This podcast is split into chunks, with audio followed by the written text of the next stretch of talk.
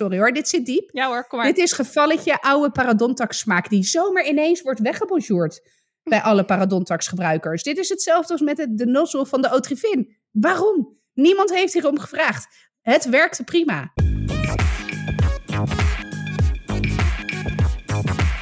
Hey, welkom. Leuk dat je luistert. Dit is aflevering 98, want dit is 30. En guess who's back? Back again. Yes, she's back. Yes, I'm back. Tell a Back friend. again. Ta, ta, ta. Ik, ik weet de tekst niet, maar ik ben terug. Guess who's back? Ja, leuk dat je er weer bent. Ik sta een beetje hard, dus ik ga mezelf een klein tikje zachter zetten. Zie. Hey, welkom terug. Dank je. Gaia, how are you? Nou, afgezien van het feit dat ik pijn in mijn tieten heb, ongesteld ben en een hele dag sinds weer op kantoor ben geweest met een MT van zes uur lang en dus compleet uitgeblust, gaat het verder heel goed Maar moest je zo hard nadenken? tijdens Nee, MT. nou, Ja, wacht even, want eh, dit, dit soort dagen heb je vrij vaak, toch? Zeker één keer in de maand? nee, eh, groot MT noemen we dat, hebben we eens Ja? in de acht weken, maar we hebben iedere week anderhalf uur MT. Ja, dus het is vrij veel. En dan ook nog één keer in de acht weken dit. Ja. Is het dan elke keer even intens? Of denk je ook wel eens, "Huh, moet dit nu? Ik moet eerlijk zeggen, ik vind de grote MT's zeer waardevol. Hm, ja, Ik vind de anderhalf uur MT's die we wekelijks hebben voor mijn rol in het MT wat minder waardevol. Maar dat heeft ook te maken met het feit dat ik ben natuurlijk geen operationeel manager, ik ben procesmanager. En in het wekelijks MT gaat het vooral om FTE-plaatjes, bezettingen, weet je, eh, prangende operationele issues. Ja. Waar dan beslissingen over genomen worden. En vaak wordt bij ons wel opgevraagd om eh, bijvoorbeeld een analyse te maken of gewoon onze mening. Want we hebben gelukkig wel meningen als procesmanagers. Zeker ik als procesmanager. Nee. ja, ik, ik, heb, ik, heb, ik heb verder daar, ik haal daar zelf vanuit mijn rol eh, niet zo heel veel uit. Dus ik, heb, ik kijk uit- eigenlijk altijd meer uit naar de grote MT's, omdat we dan veel meer de diepte ingaan op thema's. En ook Ja. veel meer, nou ja, een stukje missievisie en, en jaarplannen en zo. eh, dan, eh, dan die kleine anderhalf uur MT's. Terwijl Ja, dat wel kan- iedere keer een brok uit mijn agenda is. Dus, nou, Ja. Maar ik kan me voorstellen dat die kleine MT's een soort, eh, soort going concern dingen zijn. Terwijl je in zo'n grote Ja. MT meer, meer meta gaat zitten. Precies. ik, ik gebaar even boven mijn Ja. hoofd als in Ja. helikopterview. Maar Ja, nee, dat klopt. moeten we Dat toch een keer zeker. video gaan opnemen. Ja. ja, dat lijkt me dan ook interessanter. Ja, maar wel eh, intens. En zeker, weet je, het was voor het eerst sinds lange tijd weer live met elkaar op locatie. Ja, Dus dan zit je ineens weer een hele dag in een kantoorsetting. Eh, en dan merk ik echt dat ik, nou, ik was echt kapot toen ik thuis kwam. Helpt het dus ook niet dat ik pijn in mijn tieten heb en ongesteld ben. Net mijn, nou ja, eerste dag. Maar goed. Hmm. Hey, Dus, en eh, eh, sinds de endometriumablatie is dat nog steeds hetzelfde gebleven? Relaxed? Ja, ja op zich de, de menstruatie zelf echt, nou, nou, als ik het moet kwantificeren. Ik bedoel, ik, eh, ik menstrueer niet in een eh, maatbeker, maar eh, als, ik, als ik het moet, laat ik het zo zeggen. Ik ben van twee kraamverbanden ieder uur verschonen naar, nou, vandaag eigenlijk de hele dag met één maandverband gedaan. Dus dat is echt Oh. hele dikke prima. Twee aanverwanden per uur. Ja, nou, ik, ik, ik bloedde echt leeg. leeg. Ja. Ja, ja, dat was echt niet normaal. Ja, ik kon, ik kon echt oprecht op die... Ik had meestal drie van dat soort dagen. kon ik gewoon serieus niet eens naar de supermarkt. Nee. Omdat als er dan zo'n hele brok ellende uit Ja. plop, plopte... want dat is wat er gebeurt... ja, dan was ik echt tot aan mijn enkels... was het rood. Droop Dus- het gewoon. Ja, maar zo'n Ja. zo'n kraamverband heeft dan niet eens tijd om het op te nemen. Nee, Nee. nee. ik heb, aan- ik heb volgens mij zelfs nog een keer zo'n Tena Lady luier geprobeerd s'nachts. Want het was s'nachts vooral heel naar. Want op een gegeven moment, ik kan me herinneren dat ik sommige nachten maar op mijn stoel ben gaan zitten met allerlei handdoeken tussen mijn benen. Omdat ik gewoon iedere keer, nou ja, het was echt één groot bloedbad. En dan slaap je ook gewoon twee, drie dagen amper. Jezus. Ja, ja nee, het probleem was best wel, was best wel serieus, zeg maar. Maar wat was nou uiteindelijk ook, was het nou een vleesboom? Nee, en dat was wel het vermoeden, maar ik heb toen eh, de bekende dildo-echo gehad. En eh, daar eigenlijk zei de gynaecoloog, overigens dezelfde als jouw gynaecoloog, eh, zei toen ook, ja, topmens echt. Maar die zei ook van, ja, weet je, je baarmoeder ziet er prachtig uit. Dus zij, zocht het hem, zij zocht hem toch in, in het stukje hormonaal. Nou en toen kwam dus anticonceptie ter sprake van joh, pil en spiraal zijn de eerste twee stappen. Nou ja, ik heb gezegd dat doe ik nooit meer, beide niet meer. Nee. Dus nou ja, dan eh, aangezien er geen kinderwens meer is, natuurlijk die, eh die endometriumablatie. En nou ja, ik moet zeggen, so far so good. Ja. Ik bloed nog wel. Hè. Het is niet sommige mensen na zo'n endometriumablatie die worden überhaupt niet meer ongesteld. Daar had ik natuurlijk al mijn geld op ingezet. ja, maar is dat dan omdat al het baarmoederslijmvlies echt weg is en er dus niets meer opgebouwd kan worden? Nou, nee, want het is ook een, in principe een tijdelijke ingreep, omdat het lichaam zelfherstellend is. Mhm. En zo'n endometrium groeit dus ook vaak terug. Dat is ook de reden waarom nou, ik best nog wel moest lobbyen om deze ingreep te doen. Want normaal gesproken heeft het een soort van houdbaarheidsdatum van een jaar of tien. Ja, ik heb het vorig jaar gedaan, dus toen was ik 32. Mm, Kijk, ja. meestal doen ze dit soort ingrepen pas na het, hè, na, de 40, na, na het 40ste levensjaar, omdat dan de kans dat je richting overgang gaat groter is, zeg maar, met zo'n tijdspanne. Maar ja, weet je, ik, eh, nou ja, heb ik al vaker gezegd, spiraal komt er never nooit meer in. En eh, een hormoonpil ook niet. Nee. Eh, dus ja, het was dus even om antwoord te geven op je vraag. Hè? Sorry jongens. Het was waarschijnlijk hormonaal, maar ze hebben dus, dat is nooit verder helemaal tot op de bodem eh, uitgezocht. Maar dat zou zomaar kunnen, want ik zit hormonaal sowieso een beetje eh, nou, aan elkaar geplakt met een schildklier wat het niet doet. En nou ja, de, die type 3 diabetes, wat natuurlijk ook is natuurlijk een bloed- en vaatziekte, officieel diabetes. Maar Ja, het heeft wel maar- te maken met je insuline, met je alvleesklier. En dus in ieder geval ook ho- hormonen die niet doen wat ze moeten doen. Dus, eh, dus dat zou zomaar kunnen. Maar ehm, nou ja, so far so good. Ik eh, teken voor eh één maand verbandje per dag. Het is wel wat ik wel jammer vind, als ik dan toch moet zeuren, is dat ik wel nog steeds gewoon zeven volle dagen aan het bloeden Mm. ben. Dus dat is wel eh, jammer. Ja, Ja. dat is ruk. Maar goed, het belemmert me niet meer, hè? Want ik kan, eh, ik kan ook gewoon met eh, tampon naar het zwembad, weet je wel? Dus dat, dat is prima. Ja. Ik draag verder normaal gesproken geen tampons, want ik vind het gewoon net niet lekker zitten. Nee. Maar ik, weet je, op het moment dat we, dat we bijvoorbeeld naar het zwembad zouden gaan, zou dat nu kunnen. En dat was toen echt, nou, met geen mogelijkheid had dat Nee. gekund. No Gebruik, way. je, gebruik je de cup nog wel eens? Nee, eigenlijk niet. Heb ik ook niet per se een hele goede reden voor. Anders dan dat ik ermee ben gestopt toen mijn menstruatie zo heftig werd. Want Ja. nou, succes Gutst daarmee, over zeg maar. de rand. Ja, dat... Precies. Eh, en daarna heb ik het eigenlijk niet meer... Dat ding ligt nu ergens te verstoffen. Dus dat moet ik even een keertje weer ontsmetten, zeg maar. Ja. Eh, maar dat is misschien nog wel een goeie om daar weer eens een keertje mee te beginnen. Want ben ik ook van het maandverband af. Want nou ja, ik kom nu uit een week Tena Lady gebruik vanwege mijn hoestaanvallen. en daar, Ja. daar kan ik nu een, ma- een week weer maandverband gebruik aan vastplakken. En dan merk ik dat mijn huid dat niet lekker trekt. eh, Nee. Mijn uh, vulva-huid. Ja, ik heb trouwens de vorige keer eh, na mijn klachten ook over de vleugels, heb, ik heb, ben dus er gewoon maar van ga- gaan afknippen. Oh, ja. Ja, dat is, maar dat is, het is natuurlijk niet ideaal, want ik zit dus, Nee. mijn nagelschaartje ligt in de badkamer. Dus ik zit Ja. met dat nagelschaartje zo die vleugels eraf te knippen, maar het plakt ook. Dus dan zit dat Ja. nagels, nou, Oh, weet je, ja. het is niet ideaal, maar het is eh, minder irritant dan ik die vleugels eh, eh, in mijn broekje vind, zeg maar. Ja. Dus dat is nu mijn oplossing. En verder, ehm, verder moet ik, als we, ik ben even, ga even iets bekennen, want ik heb natuurlijk vorig jaar verteld over Eurolon. Ja. Over de ehm, eh, behandeling met fillers tegen Ja. incontinentie, stressincontinentie. En eh I'm dreading it. er is letterlijk geen reden waarom ik niet zou bellen voor een afspraak en ik doe het niet. Nee, oeh, hier, zit- hier zit iets. Hier zit iets, ja. Ja, want Ja. het was eerst wachten tot na 1 januari Ja. verzekering technisch. Nou, inmiddels is het 21 maart vandaag, jongens. Hè? Happy lente. Lentedag. Ja, Zeker. precies. Maar goed, Ja, nou, ik begreep ook dat het de lente-equinox is. Dat betekent dat ja, ik heb dat ook ergens gelezen. Ik weet niet meer bij wie. Maar ik denk, wat mag is dat? ergens op een story voorbij komen. Het is de drie dagen, volgens mij, of 20 tot 23, 20 tot 22, nee, 20 tot 22 geloof ik, dat de daylight, de daglichttijd even lang is als de nachttijd. Ah, Dus de zon is 12 uur op en de zon is 12 uur onder.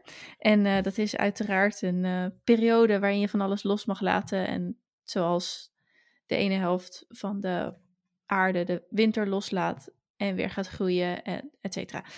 Dus ehm, ik kan de symboliek waarderen. Ik heb nog niet echt het gevoel eh, alsof ik deze dagen een ontzettende metamorfose of transformatie doorga. Maar ja, we hebben morgen nog. Laten we het daarop houden. Ja, toch? Nou, Ja. ik, ik moet wel zeggen, ik ben er wel altijd blij. Ik had het daarnet, weet je, toen we aan tafel zaten en dat het gewoon nog licht was Ja. buiten. Toen dacht ik, ah, lekker. Ja, ja. Ja, ik kan ook. Het is ook natuurlijk. Ze worden onwijs verwend met, de, met die zon van de laatste dagen. Zo, ja, en het blijft nog even zo. Ah, echt heerlijk. Ja. ja. Ja. Maar even kort, eh, hoe, is mee, hoe, is, hoe is het gegaan? In de, want ik zei, ik moet even rectificeren. Ik zei dat jij drie keer COVID had gehad in 100 afleveringen. Maar het was twee keer en één eh, vaccinatie gone wrong, zeg maar. Ja, Sort of, klein beetje. ja. Dus bij deze. Maar hoe was Ja, het? ja, op zich prima. Ik, ehm, ik, het ging eigenlijk zo. Ik had mijn, eh, een van mijn eh, buurmannen, die werd vorige week, nou, inmiddels 2,5 weken geleden, tegen de tijd dat dit uitgezonden wordt, uit het raam getild door de brandweer vanwege een spoedgeval. eh teelassistentie, daar weet George ook alles van. Zeker. Eh, en die, dus die, die brandweer had het raam ingetikt om hem eruit te krijgen. En s'avonds ben ik samen met een ander buurvrouwtje dat gaan opruimen, omdat dat het buurvrouwtje, zeg maar, wat daar woonde, die is afhankelijk van de scootmobiel voor een groot deel. Dus al- die hele voortuin lag onder het glas. Ik denk, ja, weet je, ze moet wel nog mobiel Ja. zijn, eh, zeg maar. Dus nou, eh, goed, eh, hashtag karmapunten. En eh, toen ben ik nog even met die buurvrouw dus naar binnen gegaan. En eh, haha, volgende dag, twee dagen later, test positief. Dus dacht ik, ah, oké, nou ja, weet je, op zich was ik nog niet eens zo heel erg, want ik dacht, ja, we zijn vooral buiten geweest. Ik ben denk ik vijf minuten bij er binnen geweest, that's it. En op een gegeven moment, nou ja, door met je leven. En vrijdagavond kreeg ik, nou, weet je zo, nou, je mag het, weet je dat je 's ochtends wel eens wakker wordt en dan heb je waarschijnlijk met je bek open geslapen en dat je dan zo'n gort droge keel hebt. Weet je wel, zo'n zo'n wakker wordt Ja, ja, keelpijntje. gewoon- Ja, ja. Nou, dat had ik. Toen dacht ik, hmm, dat is gek s'avonds. En toen had ik wel gelijk zoiets van, nou, hè, laat ik maar een testje doen. Ik had donderdag al getest, omdat ik vrijdag naar mijn moeder zou gaan. Toen was ik negatief. Vrijdag dus naar mijn moeder gegaan. En toen s'avonds dacht ik, nou, toch maar een keer een testje. En ik, nou, rustig testje neergelegd. Ik liep naar de bank. Ik dacht na een kwartiertje, oh ja, getest. Dus ik liep terug naar de keuken met zo'n half schuin oog op, de, ik noem het altijd de zwangerschapstest. Ja, precies. En ik zie ineens twee van die strepen staan. Ik denk, what the fuck? Ik denk, oké. Hmm. Ja, dus, eh, nou ja, en toen dacht ik, oké, nou, ik begrijp in ieder geval waar de keelpijn vandaan komt dan. Maar eigenlijk ging het heel erg goed tot zaterdag einde middag. En toen ineens ging het lichtje uit, zo gezegd. Toen, toen stortte ik echt even in. Toen zei ik ook, eh, schat, ik ga even naar boven even liggen. Dus toen heb ik flink geslapen. En, eh, en toen barstte eigenlijk gewoon een stevige verkoudheid los. Dus wel echt, eh, nou ja, ja, kano, zeg maar. Dus keelpijn, neus Ja. helemaal verstopt. Deze keer ook echt wel pijn in mijn oren. Althans, een soort van drukgevoel in mijn Mhm. oren. Wel Heel irritant, alsof er water in mijn oren zat. Eh, en ja, toch wel weer die vermoeidheid. Niet zo heftig als vorige keer. Maar wel dat als ik dan weer een trap opliep... dat ik dan echt als een heigend m- molenpaard eh erbovenaan stond. Dus, eh, dus nou ja, en toen eigenlijk tot nou, woensdag, donderdag... echt nog wel flink verkouden geweest. ja, tot woensdag, moet ik zeggen. Ja, en toen, toen langzaamaan iedere keer beter. En nu af en toe nog eens een kuchje. En ja, ik, ochtends zit ik wel nog aan de Otrivin. Maar dat is misschien meer mijn Otrivin-verslaving dan dat ik het echt nodig heb. Haven't we all? Hm? Ja, dus, eh, dus nee, is- ja, prima. Het is toch niet normaal, want dat spul, dat die eh xylometazoline, dat is gewoon, ik weet niet. Ja, dat is echt gewoon pure drugs. Ja, Maar dat is, is- echt... Ja. Het is heerlijk. Het is, je spuit Ja. het erin en je voelt het gewoon Ja. wegsmelten of zo. Of gewoon verdwijnen. Het is fantastisch. Ja, het maar zijn ja. je neusslijmvliezen die zeg maar verschrompelen onder de xylometazoline. Maar Maar Ja. toch, blijkbaar, waarom is dat zo heerlijk? Mm. Nou ja, niet voor iedereen, hè. Ik heb Frank probeer ik al elf jaar aan de neusspray te krijgen. je probeert hem actief een verslaving Zeker. in te duwen. Ja. Zeker, want zo ben ik. Maar nee, die gaat echt over zijn nek ervan. Maar echt letterlijk gewoon, die, gaat, die wordt helemaal lijp. Maar het idee van neusspray? Of Ja, van nou dat- ja, ik denk allebei. Want het, het, het heeft natuurlijk best wel geks... ge- Want je, als je het goed doet, dan proef je het ook soort van achter in je keel. Hè? Als je hem zo lekker omhoog snort. Ja. ja. Ja, En, dan, eh, en dat heeft wel een soort van bittertje-achtig, echt hier het, een complete analyse van... Dus de, de Eh, smaak, de sensatie van xy- Precies. xylometazoline. Nee, ja, en, en hij gaat daar gewoon bed op. Hij, hij gaat echt echt proesten en kokhalsen. En dus, nou, het is me na elf jaar bijna nog steeds niet gelukt. Maar ik denk ook niet meer dat het me gaat lukken. Nee, Dus, dus ja, overigens, even eh, als ik het dan, eh, mochten er eh, makers van Otrivin luisteren, want hey, wij hebben een heel breed publiek. Waarom de fuck hebben jullie het neusinspuitnozzeltje veranderd? Maar echt, ik, ik, de helft blijft zitten in dat, in dat spuitflesje. Ik zit de hele tijd te spuiten om voor mijn gevoel maar iets erin te krijgen. Ja, echt Hm. bloedirritant. En ik ga, ik ga op zoek naar de before en afters voor in de nieuwsbrief.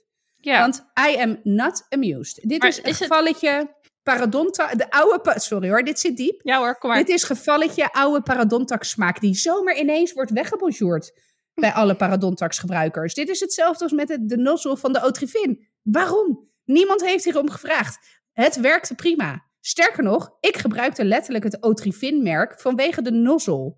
Maar wat, wat, Dus. is, wat is, kun je zien dat het veranderd is? Of Ja, kun je alleen merken, oké, nou ik ben Nee, heel benieuwd. Nou, je kan het zien en dus merken, want voor mijn gevoel komt er echt de helft uit van wat er normaal gesproken uitkwam. En zo mag, ik- mag ik er ook even aan toevoegen dat ik denk, kruidvat, waar is de Clovex gebleven? Dat zeg Wat jou is, klo- natuurlijk niet. wat is Ja, nou, Clovex? heb je wel eens kloven? nee, Dit dat heb is ik niet. nou, nee. ik, ik had het, ik het tussen meteen heb ik vooral in de, in de zomer, als het dan warm is en je zweet een beetje. En dan komen er van die kloofjes tussen mijn tenen. Ja, ik heb dat vroeger denk ik wel eens gehad in combinatie met een soort van zwemmerseczeem of zo. Kan dat? Of, Eh, of is dat, weer iets heel anders? Dat heb ik nooit gehad, volgens mij. Oké. Maar ik heb het Nou ja. ook wel eens, dan zijn mijn hielen gewoon heel erg droog. Of mijn eh, grote teen. Ja, dat doet echt eh fucking zeer. En Clovex is dus iets van vroeger. Dat is een heel klein potje met een soort zalfje. En dat smeer je erin. En dan echt miraculously is het gewoon over daarna. En het is fantastisch. En ik heb ook, dus eh, bij mijn, ik zit nu te wijzen, bij mijn neusgaten. Hier heb ik ook wel eens kloofjes. Dat is gewoon ook heel droog. En dat is echt naar. Dus ik heb een heel klein, dit is dus een heel klein potje. Dus dat, als je het ziet, dan denk je nog echt, oh, dat is inderdaad echt het kruidvatmerk van 25 jaar geleden. Ik heb het ooit meegenomen uit het huis van mijn ouders. Toen ik op mezelf ging, heb ik dat gewoon meegekierd. Je jezelf toegeëigend. Mezelf Uiteraard. toegeëigend, Ja. want hè. En, eh, terwijl de rest van de familie ook last had van kloven. Excuus. Ehm Dus moeders, als je ooit afvraagt waar is het potje Ja. gebleven, she knows. bij deze. Oh, Ik oké. opgebiecht. maar die, die, dus zeg maar, er zit nog eens, weet je wel, dat je zo'n potje hebt dat in het onderste randje, Oh nog ja. zo'n laatste randje zit. Ja, dat je Ja. zo met je nagel, zeg ja, maar ik doe zo... dus nu met een wattenstaafje, zo, een heel klein beetje, dan smeer ik daar mijn neus mee. Nou, maar nu heb je dus gewoon een tube met kloofcrème of zo. Maar dat is heel iets anders. En dat is ook heel erg minty. Dat ga ik echt niet in mijn neusgaten smeren. Nee. Nee, Nee, alsof je, alsof je fix in je neusgaten smeert dan of zo. Dus Ja. eh, waar is Clovex gebleven? De, nou, nog meer wat je mist van vroeger? Ja, v- van alles. Maar eh, eh, nee, dit, ik Nee. ben klaar met mijn rant over productverbeteringen, air quotes, die helemaal niet nodig zijn. Oprotten. Innovaties, Ja, R&D-afdelingen. precies. Why? Doe maar eerst even via, vanuit het Double Diamond principe opvragen bij je fucking eindgebruikers. Precies. Yo. Dus, Dus. bij deze. Eh, ja, ik ehm, maak even een brug naar nog meer onverwachte zaken. ik ging vanmiddag de kinderen ophalen. Toen zei ik tegen de juf, nou, tot morgen. En toen zei ze, nou, nee, tot woensdag. Morgen zijn de kinderen vrij. En ik dacht, Fuck. Eh? Maar wat? Maar, Een- wa- wa- een studiedag Dins- op dinsdag. maar, eh, eh, eh, Ja, eh, ik, ik weet niet. Ik weet het echt niet. En het zal wel niet anders gepland. Ik, ik weet niet. Misschien is er iemand die een cursus geeft die alleen op dinsdag kon. oh ja. Ik weet het niet. Maar hij kwam even totaal van links voor mij. Ja. Dus, eh, ik kreeg ook daarna een paro berichtje. Let op, de kinderen zijn morgen vrij. Toen dacht ik, dit is mijn... eh, Ik ben benieuwd hoeveel ouders er morgenochtend toch op het school, maar schoolplein staan Als dan. ik dus, want ik, het kwam.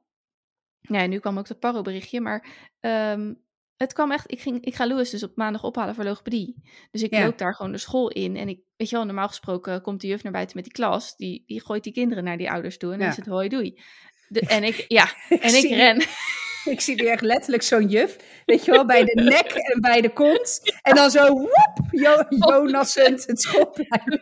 Nou, probeer Louis maar eens de troppelen over te Nou, smijten. dan eh kudos. Ja, kudos Ja, dan. zeker. Ik denk dat je dan een carrière tot eh, gewichtheffer of hoe ja, heet dat? Eh, Discuswerper of zo, kogelstoter. discuswerper. Ja, kunt. kunt maar goed, sorry. Terug naar Ja, 22 maart studiedag. Eh, ja, dus dan had ik gewoon, en ik ren, ik heb niks te zoeken op de schoolplein, dus daar ga ik gewoon vanaf.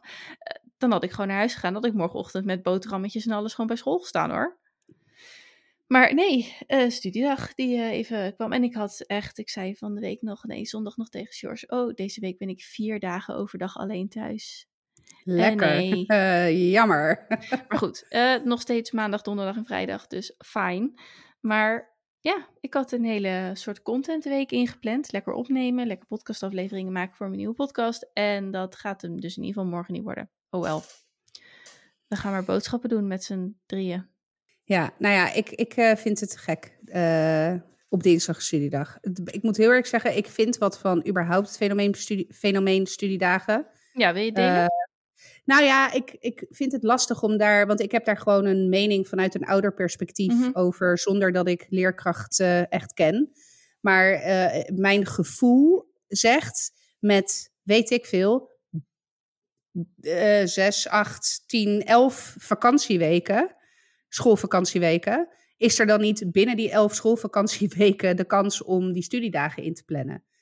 Aan de andere kant snap ik ook echt wel steeds beter hoe dat nou precies zit met die werkdruk van leerkrachten. Mhm, Dus ja. ja, weet je, ik, ik, maar goed, gevoelsmatig. En hier zijn mijn, mijn gevoel en ratio echt, nou ja, tegengesteld aan elkaar. Want gevoelsmatig denk ik, yo, hè, hebben jullie niet genoeg vrij?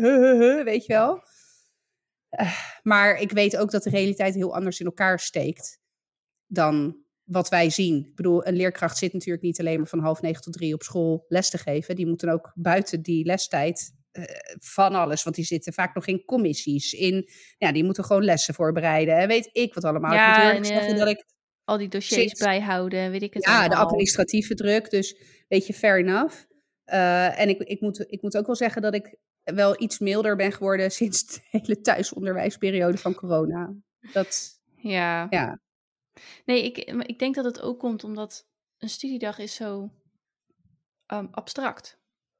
Ja, Wat, wat, wat, wat is het? Wat, en ineens is het, nou ja, goed. eh, Je ziet er ook.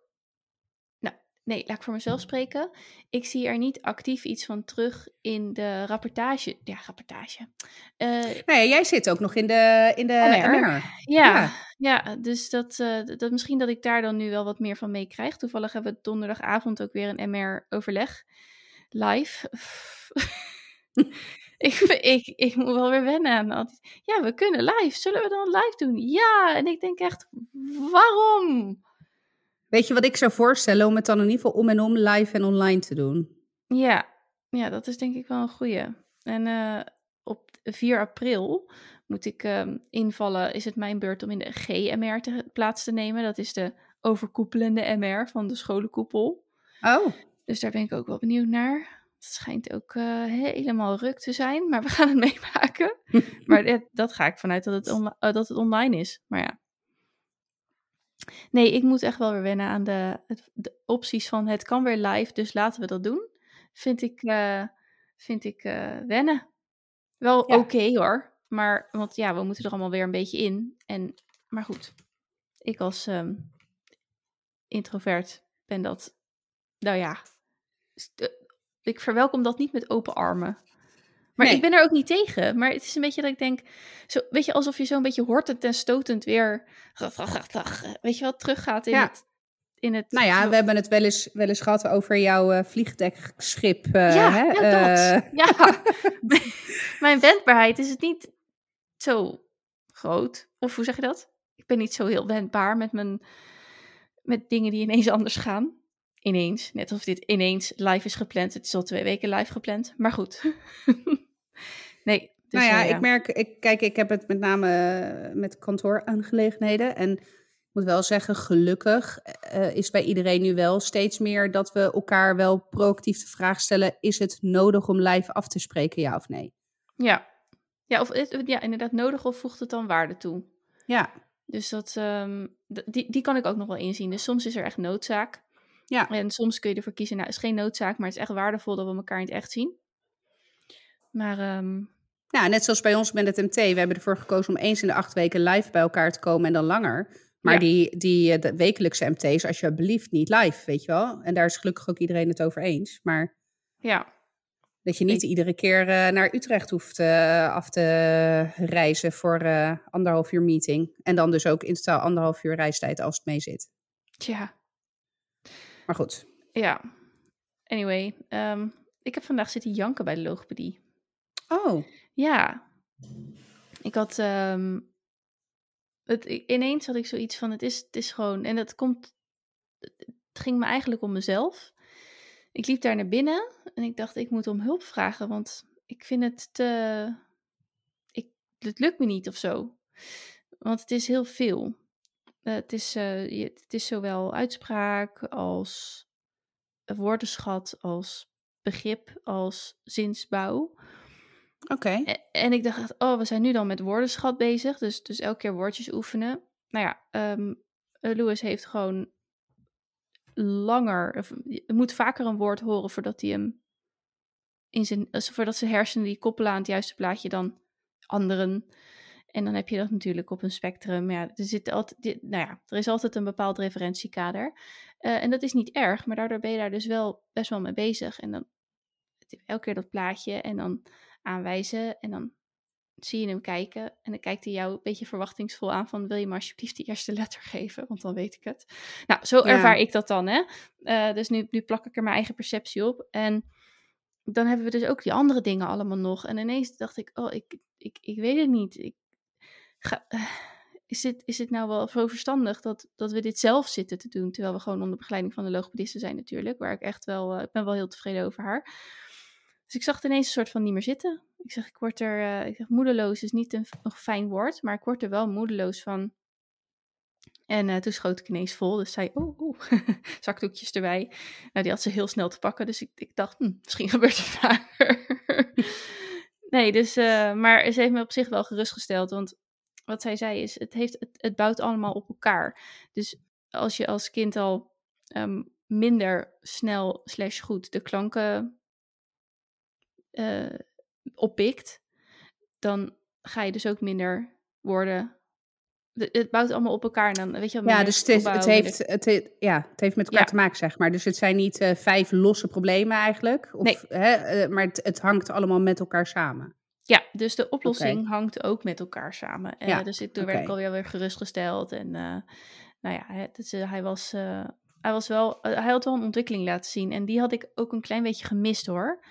Want ja? Um, uh, ja, ik heb hem natuurlijk wel zien ontwikkelen, maar ik had eigenlijk het idee dat ik dacht begrepen te hebben dat hij zich wel had ontwikkeld, maar ook omdat hij gewoon wat ouder was geworden. Dus dat dat niet, dat dat sowieso al zou gebeuren. Maar hij ja. heeft zich zeg maar daarboven ook nog ontwikkeld. Dus Oké. Okay. Nou ja, uiteindelijk, uh, kort verhaal lang, uh, mijn tranen waren gedroogd, maar ik had wel zoiets van, oh shit, ik wist niet dat het me zo hoog zat en dat het me zo mm, zwaar viel of zo. En niet zozeer de oefeningen. En hij is eigenlijk ook best, best gezellig ermee en doet best wel goed mee. Dus het is ook geen struggle of zo. En dat wil ik het ook absoluut niet laten zijn.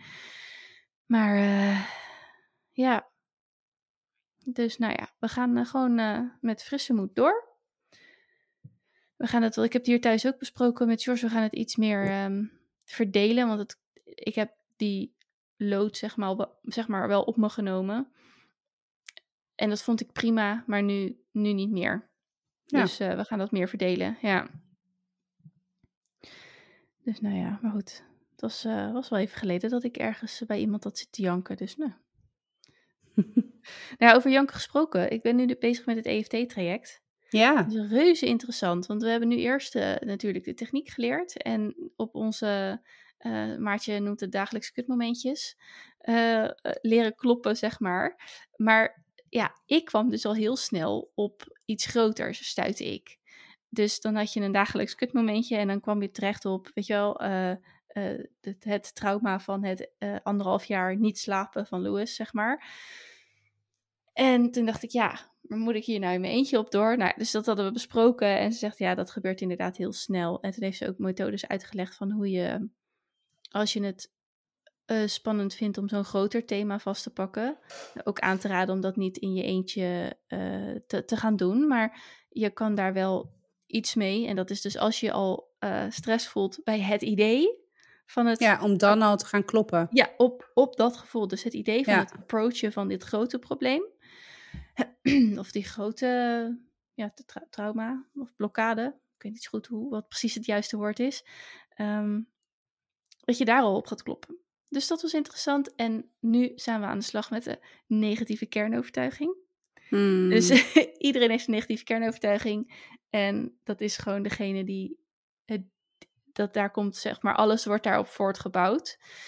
Uh, dus nu um, had ik een negatieve. Er was een, een, zeg maar, een soort acht voorbeeldzinnen of zo. En het was allemaal altijd wel te maken met: ik ben niet goed genoeg.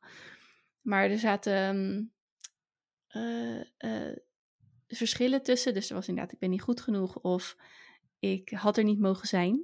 Hmm. Weet je wel, dus dat, is, dat heeft wel met elkaar te maken, maar het is wel een andere essentie of een andere Ja. nuance. Hm, niet eens misschien nuance, maar. En eh, toen las ik, ik doe er niet toe.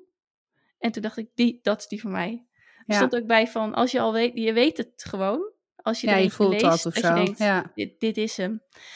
Dus, ehm, dus dat was dan, eh, dat mocht je, mocht je dan visualiseren dat dat een tafel was. En er waren de poten, soms niet altijd vier, misschien wel veertig poten, die ondersteunden hè, die, ehm, die negatieve kernovertuiging. Maar vervolgens werden er op die tafel als een soort eh, omgekeerde piramide, bouwden zich daar weer een soort sub-overtuigingen op. Die gestoeld waren op die kern. eh, Ik doe er niet toe. Ja, ja, ja. dus ik eh, dacht eerst, jeetje, poeh, nou weet je, nou ik ga er wel even voor zitten. Maar echt, binnen no time kwamen er echt wel dingen naar boven. Dus dat was op zich aan de ene kant eh, fijn, omdat het dus wel ging stromen. Aan de andere kant dacht ik, oh jee, oké. Oké. maar dat was bijvoorbeeld, eh, eh, ik ben niet interessant genoeg om naar te kijken. Ik ben niet Oh, ja. interessant genoeg om naar te luisteren. Nou, Nou, dat is in jouw vak wel. op zich is dat wel een belangrijke om die even aan te pakken. ja. Nee, maar en dit is dus ook wat ik bedoelde. Heb ik dat toen verteld ook hier? Dat weet ik niet zo goed. Maar de reden dat ik dit soort dingen aan het doen ben, is omdat ik denk, het gaat supergoed. Maar er zit iets niet, er zit iets fragiels in die, in die, in die, in dat fundament. Ja. Dus stel dat ik zo meteen een keer een masterclass geef en ik merk dat iemand niet op zit te letten of kritische vraag stelt, of ik geef misschien een live masterclass en er komt toch, komen toch mensen eh, uiteindelijk uit de feedback of zo van ja, dat het voor hen niet waardevol was of weet ik het, dan denk ik van ja, dat raakt mij volgens mij heel erg. Maar ehm, dus het is fijn dat ik dan nu eh, de tools krijg, in ieder geval de inzicht krijg dat het er is.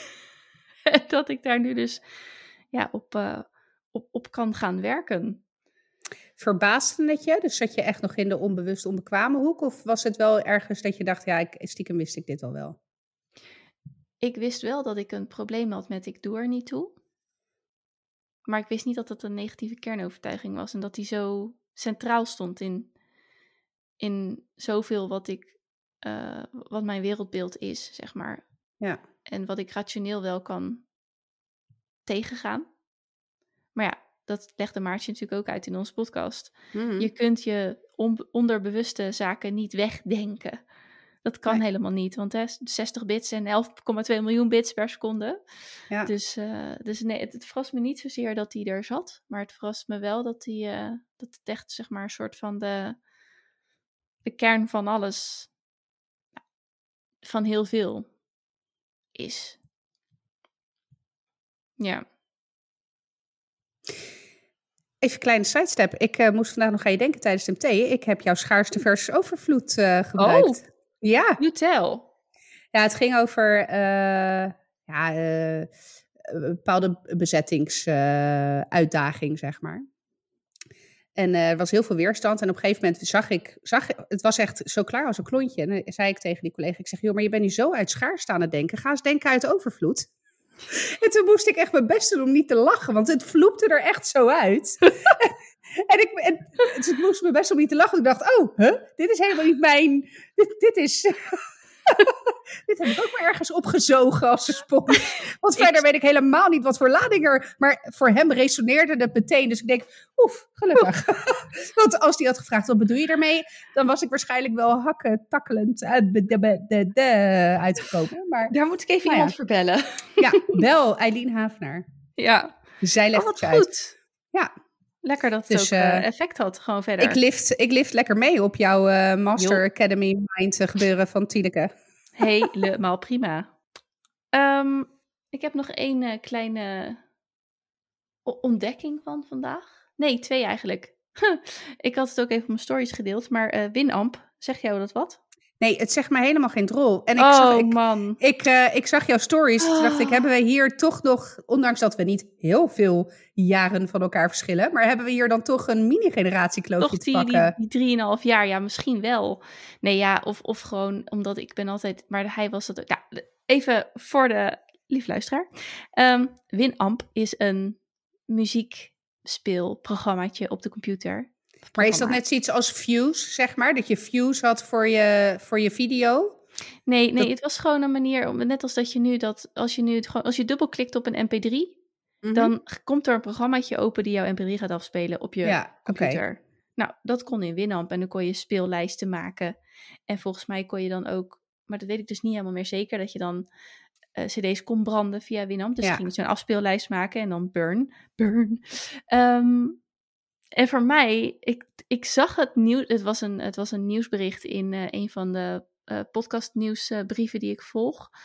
Dat Winamp komt dus terug. Je kunt het nog steeds gebruiken, maar ze gaan het helemaal reviven. En uh, nou, super top-notch maken. Volgens het bericht natuurlijk. Dus het wordt ook een podcastspeler. Okay. En dat, ja, dat vind ik interessant. En ze, volgens mij gaan ze ook aan de slag met NFT's. Hmm. En ja, een podcast is ook bezig met het ja, het monetizen. En wat een interessante ontwikkeling is, is dat een value for value. Dus wat ze nu bezig zijn met een soort programmeren is dat je uh, stukjes cryptocurrency Mhm. mm -hmm. kan. Je kan het of zeggen van ik wil tijdens dat ik deze podcast luister per minuut. Uh, nou, ze noemen dat dan satoshis. Dat zijn hele kleine stukjes bitcoin. Dus één satoshi okay. is echt 0,01 cent, eurocent, zeg maar. Ja, dus dat, okay. zijn, dat is echt uh, een beetje, nou ja, het, ik, ik krijg nog, het is natuurlijk wel echt, het heeft echt waarde, maar het heeft zo kleine waarde dat het soort als monopoliegeld voelt. Maar dat Ja. je kan zeggen, ik wil uh, twee satoshis per minuut streamen. Maar je kunt ook uh, berichtjes sturen en dan satoshis meesturen. Dus dan kun je zeg maar, als wij dat zouden enablen, ik moet daar nog even, e- even tussen aanhalingstekens naar kijken, dan kun je ons dus een, een boost sturen, of een boostagram uh, heet dat. En dan uh, kun je zeggen, dus een berichtje naar onze podcast sturen met een beetje geld erbij. En dat, nou ja, dat is dan een equivalent van 2 euro bijvoorbeeld. Ja, oké. Okay. Uh, ja, dus dat... dat nou, in, dan, in crypto, in cryptocurrency. In crypto, ja. Ja. ja, dat in die satoshis dan nu, geloof ik. Ja. Natuurlijk mag je ons ook een bitcoin sturen. Feel free. Een hele bitcoin, volgens mij is bitcoin. dat, uh, weet ik veel, 16.000 euro. Ik heb Ja, geen volgens idee. mij is maar... het al 42, maar het gaat Oh, omhoog en Jezus, dan weer nou, dat- omlaag. dat ja, bedoel het is ik, heel ja. veel. ja. Ja. Dus, nou ja, die... ehm, en dus, en zij, zij doen dan iets met NFT's. Dat is natuurlijk ook iets van elektronische waarde, dat vind ik toch waarde. een partij vaag, jongen, die NFT's. Ik, Ja, ik- en daar, toch- moeten ja. we het, daar moeten we het nog een keer... Nee, maar ik vind Ja. het wel heel interessant. Dus eh, sowieso staat volgens mij nog ergens op de backlog... een keer een, eh, weer een financiële... Ja, misschien is het wel goed om een Dat keer wel- crypto te doen. Ja, nou ja, echt. Want Ja. ik vind het mega interessant. Alleen ik snap er geen drol van. En dat belemmert mij dan ook meteen om me erin te verdiepen. Omdat ik daar gewoon... Je Nou moet ja, ergens mezelf- een, jij, jij moet ergens een haakje hebben of zo. Juist, en dan, dan ga je er precies. helemaal in. Maar Ja, dan ben ik eh, down the hatch, jongen. Dan Ja. eh, ben ik de crypto-koningin eh over als dat haakje er niet is, dan denk je, Nee. eh, nee, Ja. nee. Nee, in mijn, in mijn woorden is een NFT... Nou, je koopt in ieder geval iets van een recht om te profiteren van wat er gebeurt met iets van content. Of dat nu een schilderij is, of een podcastaflevering, of een liedje. Eh, dus altijd als het gebruikt wordt of doorverkocht of in een reclame, als in het geval van liedjes, als het in een reclame gebruikt commercieel, dan krijg je daar altijd een percentage van. Nou ja, dat is qua maker uh, natuurlijk wel heel tof. Ja. Dus nou ja, het, uh, maar goed, dat is alles wat ik ervan weet. nou ja, ik, dat is al meer dan ik, want ik heb het ooit een keer in een docu gezien en toen lieten ze vage plaatjes zien van aapjes, geloof ik. Uh, en dat, dat was dan een NFT en dat was dan dus digital art. En dat was echt, echt ziek veel geld waard. En dat ik alleen, Frank en ik keken elkaar echt aan en dat we dachten, oké, okay, we worden oud, want... Dit is. No, I'm not ja, getting nee. this. En, maar toen dacht ik, toen, en dat vind ik sowieso weer met dat hele crypto. Maar toen moest ik ook wel denken: zo zullen onze opa's, oma's, misschien wel groot, overgroot, hè, grootouders ook wel gedacht hebben met giraal geld. Van ja, maar dat kan, dat is niks. Nee, Weet je, dat, dat, is niet dat tastbaar. Is, dat is, nee.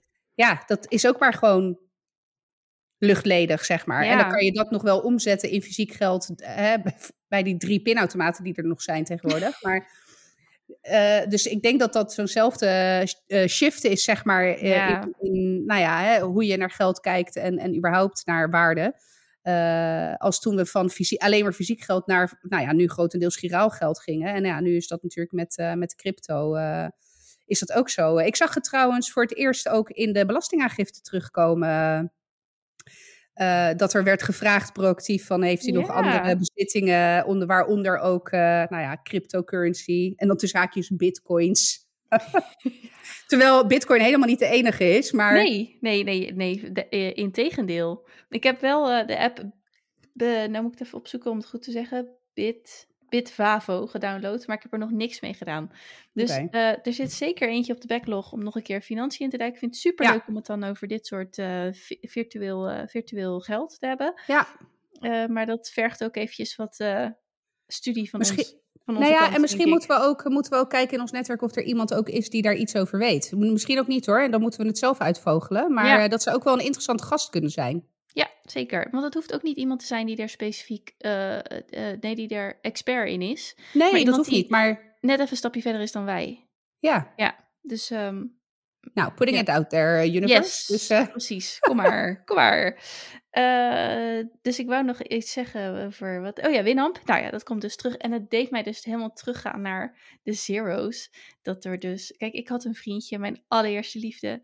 En die, uh, Erwin. En die, die was dus ook bezig altijd met. met die had bijvoorbeeld al kabel internet en ik zat nog op. maar goed, ik woonde ook in Assen-Zuidendorp en hij was een Zoetermeerder, dus uh, die woonde in de ontzettende grote stad die dat, dit wel al hadden en wij nog niet. Maar die uh, downloadde dan muziek en dan ging die cd'tjes voor me branden en Oh. stapels, weet je wel. Dus Winamp doet me daar gewoon aan denken. En dan kwam ik op zijn kamer en dan had hij gewoon een playlistje lopen. En dan zat ik een beetje daar zo in te schuiven, weet je wel, die naar boven. Nou, ik, dat gewoon die tijd. En ik werd echt helemaal denk, oh, weet je, want dit is echt zo'n typische eerste liefde, weet je wel. Die, die, ja. die, nou ja, ik heb het geluk om dat ik dat heb meegemaakt en dat dat ook echt nog steeds zoals mijn allereerste liefde zo in mij zit. Ik kan ook Ja. met niets anders dan warmte aan die jongen terugdenken. Dus um, ja, ode aan, uh, ode aan hem in ieder geval. Ode Maar aan dus dat- Erwin met zijn winnen, Winamp. eh of Winamp, Winamp. Winamp, ja. Winamp. Goed, kutnaam trouwens, dus terug. sorry Ik hoor, Winamp. Ja, Is het Nederlands ik eigenlijk? ook niet. Nee, nee. Nee, want oké. ik denk dat het toch echt iets met Windows te maken had en amplifying. I don't know. Ja. Maakt niet uit. Dus maar een gokje. Eh, nee, ze komen terug. Ze gaan- dus ook echt op, op de podcast door. Dus ik ben heel benieuwd. eh, ik ben natuurlijk al gelijk geneigd om te zeggen... ik ga dat ding downloaden als het er is. En dan eh, ben ik Ja. heel benieuwd of dat mijn nieuwe favoriete podcast-app wordt. Maar vandaag was ik ook bij de Dirk. En de Dirk was in die periode, 20 jaar geleden, de Diegels, waar ik Ja. achter de kassa zat. Oh ja. 16 toen was ik 16. dus ik was echt, hij is sowieso, is, want dat was dan voor de Zoetermeerders en de kenners eh, onder ons, eh, de Diegels in Palestijn. Nou, wonderlijke omgeving om te werken, heel leuk. En eh, eh, dat is dus nu de Dirk geworden, maar het is ook allemaal, dat, dat winkelcentrumpje is helemaal dichtgetimmerd en het is allemaal een stukje verderop iets helemaal nieuws gebouwd. Oh ja. Eh, nou, ik was echt onder de indruk van de Dirk met zelfscan. Alleen ik kwam daar als, als, als omhooggevallen Albert Heijner. En ik, dus ik ram zo die zelfscan in, in dat ding. En ik wil naar dat scherm lopen. En stond er, heb je ze gezelfscand? Scan dan nu met de zelfscanner deze eh, Oh shit, ja. barcode. Dus ik moest echt naar zo'n jongen toe. Eh, sorry, maar... eh, en hij, hij was allervriendelijkst, maar het was wel duidelijk dat ik de tachtigste was die dag. Ja. Die, die fout had gemaakt. Hij zei ook, ja, eh, andere winkels hebben een net iets andere methode. Ik zeg, ja, ja, ja, ik weet het. Ja, en ze hebben in plaats van zo'n scannertje bij een hekje, hebben ze dat, moet je hem op een paal leggen. Nou, dat had ik ook nooit gezien. Je, Dus- je, je, je, moet je bon op een paal leggen? Ja, Oh, en dan zit die scanner zeg maar aan de bovenkant van Ja, de paal. oké. Maar dat is, dat, nou ja, nu weet ik het. Dus eh, eh, vond ik, ik was helemaal, vandaag helemaal terug in, ja, wat is In de het? zeros. In, de, in 2003 dan zeker. 2000, nee, 2022 is het, hè? Min 20 is dan 2002. Ja, ik was helemaal back in 2002. 2002. Toet- toet. 2002. Ja, dat. Dus ja. hey, ehm, neem jij hem even over? Maak eens even een. Ja, nou ja, ik zat te denken, ja, nou, twintig jaar geleden, hè, en eh, het is bijna 1 april. Ja, En eh, dan ben jij jarig. zeker. I Nou, ik- am. ik- Het was, eh, het was vanavond tijd eh, bij het eten. eh eh, Zeno die was klaar met eten, die ging op de bank zitten en die zei: eh, Oh mama, het is bijna 1 april. En ik dacht dat hij zou gaan zeggen: hè, 1 april, kikker in je bil, weet je wel. Dus ik zo: Ja, dat klopt. En hij zegt: Dan is Eileen jarig. Dus ik zo: Oh. Ja, dat klopt. En Milo zei toen: Oh, dan gaan we Eileen de verjaardag vieren. Dus ik zei: Nou, Eileen viert de verjaardag nooit. En Zeno gelijk helemaal: Nou, waarom niet? Dus ik zei tegen hem, ik zeg, nou, dat ga ik vanavond eens vragen aan Eileen in de podcast. Waarom vier jij je? Oh. Ik heb echt, ik, eh, nou, ik weet niet eens hoe lang ik jou ken nu. Al heel lang. Ik heb denk ik echt, nou niet denk ik, ik heb nog nooit jouw verjaardag gevierd. Never. Eh, toen ik 30 werd, heb ik mijn verjaardag gevierd op de Alexanderstraat op de flat. Toen Louis, mijn meester net geboren was, toen heb ik mijn 30ste verjaardag nog eh, voor mijn doen. Oh Eh, ja. Ja, ja, ja, ja, ja, ja. Ja, nee, ik weet het weer. Ja, ik maar weet dat is het dus weer. ja. eh, zeggen en schrijven zeven jaar geleden. ja. Dat is best lang. En eh, lots have happened in, in die jaren. Nee, en daarna heb ik dat volgens mij nooit meer gedaan. Sowieso niet in dit huis. Nee. Nee. En, eh, maar goed, eh, eh, lieve Zeno, wat super lief dat je sowieso weet dat, dat dit mijn verjaardag Nou, dat is. ik wel knap, ja. Ja, zeker. En ik vier het niet omdat ik het fijn vind om met kleine groepjes gezellige dingen te doen. En als ik dan met een verjaardag bezig ben, dan zitten er heel veel mensen. Die vind ik allemaal lief en leuk. maar die kan ik allemaal net niet spreken. En net niet genoeg aandacht geven die ik wil. Dus ik kijk er nooit zo heel erg naar uit, naar zo'n verjaardag. Dus vandaar. En dit jaar loop ik rond op het podcastfestival in Oostende. Ta, Ja? ta, ta. Dus ehm, ja, een extra feestelijke dag voor mij. Zeker. Ja, Ik zou ook een button dragen met ik ben jarig. ik ben jarig. Feliciteer mij. Ja, precies. Met zo'n neon woep woep. Ja, ik kus niet. Ja, nee. Anderhalve meter. Ja, zeg maar, zwaai maar gewoon. Drie keer toeteren. ja, nee, 37. Nee, ik, eh, ik vind 36 een mooi getal. Het is het eh, favoriete getal van mijn moeder. Maar ik vind het ook een mooi nummer. Mhm. 37, n- nee. Nee, moi. Daar heb ik Ja. niet veel mee. Maar goed, het is nou helemaal zo. En, eh, ja, je, houdt het niet tegen. Een, weer een leuk jaar van maken. Ja. Nog drie jaar dan, eh, en dan is deze podcast Ja. afgelopen. Ja, nou ja, dan, dan gaan we een probleem eh, hebben inderdaad. Want Ja. ik zit dan nog rijkelijk in de dertiger jaren. Misschien moet ik dispensatie aanvragen of zo. Ja, precies, ja. Ja. ja. Of ik ben gewoon een oude ziel en draai mee met een veertiger dan. Oh, dat kan natuurlijk Dat ook. sowieso. dan noemen we het gewoon de oude zielenpodcast. De oude ziel, ja. De OZP. En dan maar, ja, dan maar hopen dat we genoeg eh, vaste volgers hebben. Dat ze met ons meegaan. Want dit gaat Oh, natuurlijk niks meer te aantrekken. Oude zielen. Nee, oude zielen podcast. Nee, Ja. daar zou ik ook van barven. Ja. Dan moeten we gaan rebranden. ja, nee dat kan niet. Nee, Maar goed, Nee. we hebben nog drie jaar om erover na te denken. precies. Hm. Dus dat, ja, ik had, uh, wat had ik nog meer? Ik had, uh, ik moet even mijn lijstje bijpakken, want mijn hoofd is een vergiet, dames en heren, na een dag. Uh, dit is mijn boodschappenlijstje, dat heeft er echt niks. ik, nou, die kunnen we ook wel even doornemen. Ik bedoel, nou, alles kan. Er stonden rozijntjes nog op. Ik denk, rozijntjes, wat had ik daarvoor te melden? Vrij weinig. Oh ja, ik, ik, had, ik, had, ik had vandaag een briefje in de bus. Ja. Van um, blijkbaar een uh, dame uit Oekraïne die is gevlucht. En die hier in de buurt uh, wordt opgevangen door een gastgezin. En in het briefje uh, vroeg ze eigenlijk om werk. Hè, ze gaf aan dat ze gevlucht was met haar kind. En dat ze op zoek is naar, naar werk. En ze gaf de voorbeelden, ja, een beetje het geëikte voorbeeld van schoonmaken, hond uit laten helpen in de tuin. Weet je wel, dat soort dingen. En uh, ik werd daar heel erg door geraakt. Ik had, moest echt even slikken, want ja, um, ja, nou dat. Ik was erdoor geraakt en ik zat ook meteen in mijn hoofd te ratelen van oké, wat kan ik dan doen? Of wat kan ik haar laten doen of zo? En maar dan voelde ik, weet je, dat was het. Ik dacht van oké, nou ik, eh, hè, misschien, we zijn al een tijdje aan het twijfelen over, over of we misschien eens in twee weken een schoonmaker laten komen om nou ja, even het grote schoonmaakwerk te kunnen doen. Zodat wij iets meer ademruimte hebben in het weekend. Om niet in een vervuild huis, zeg maar, door te hoeven brengen. Um, maar ik voelde me ook meteen een soort van bijna schuldig.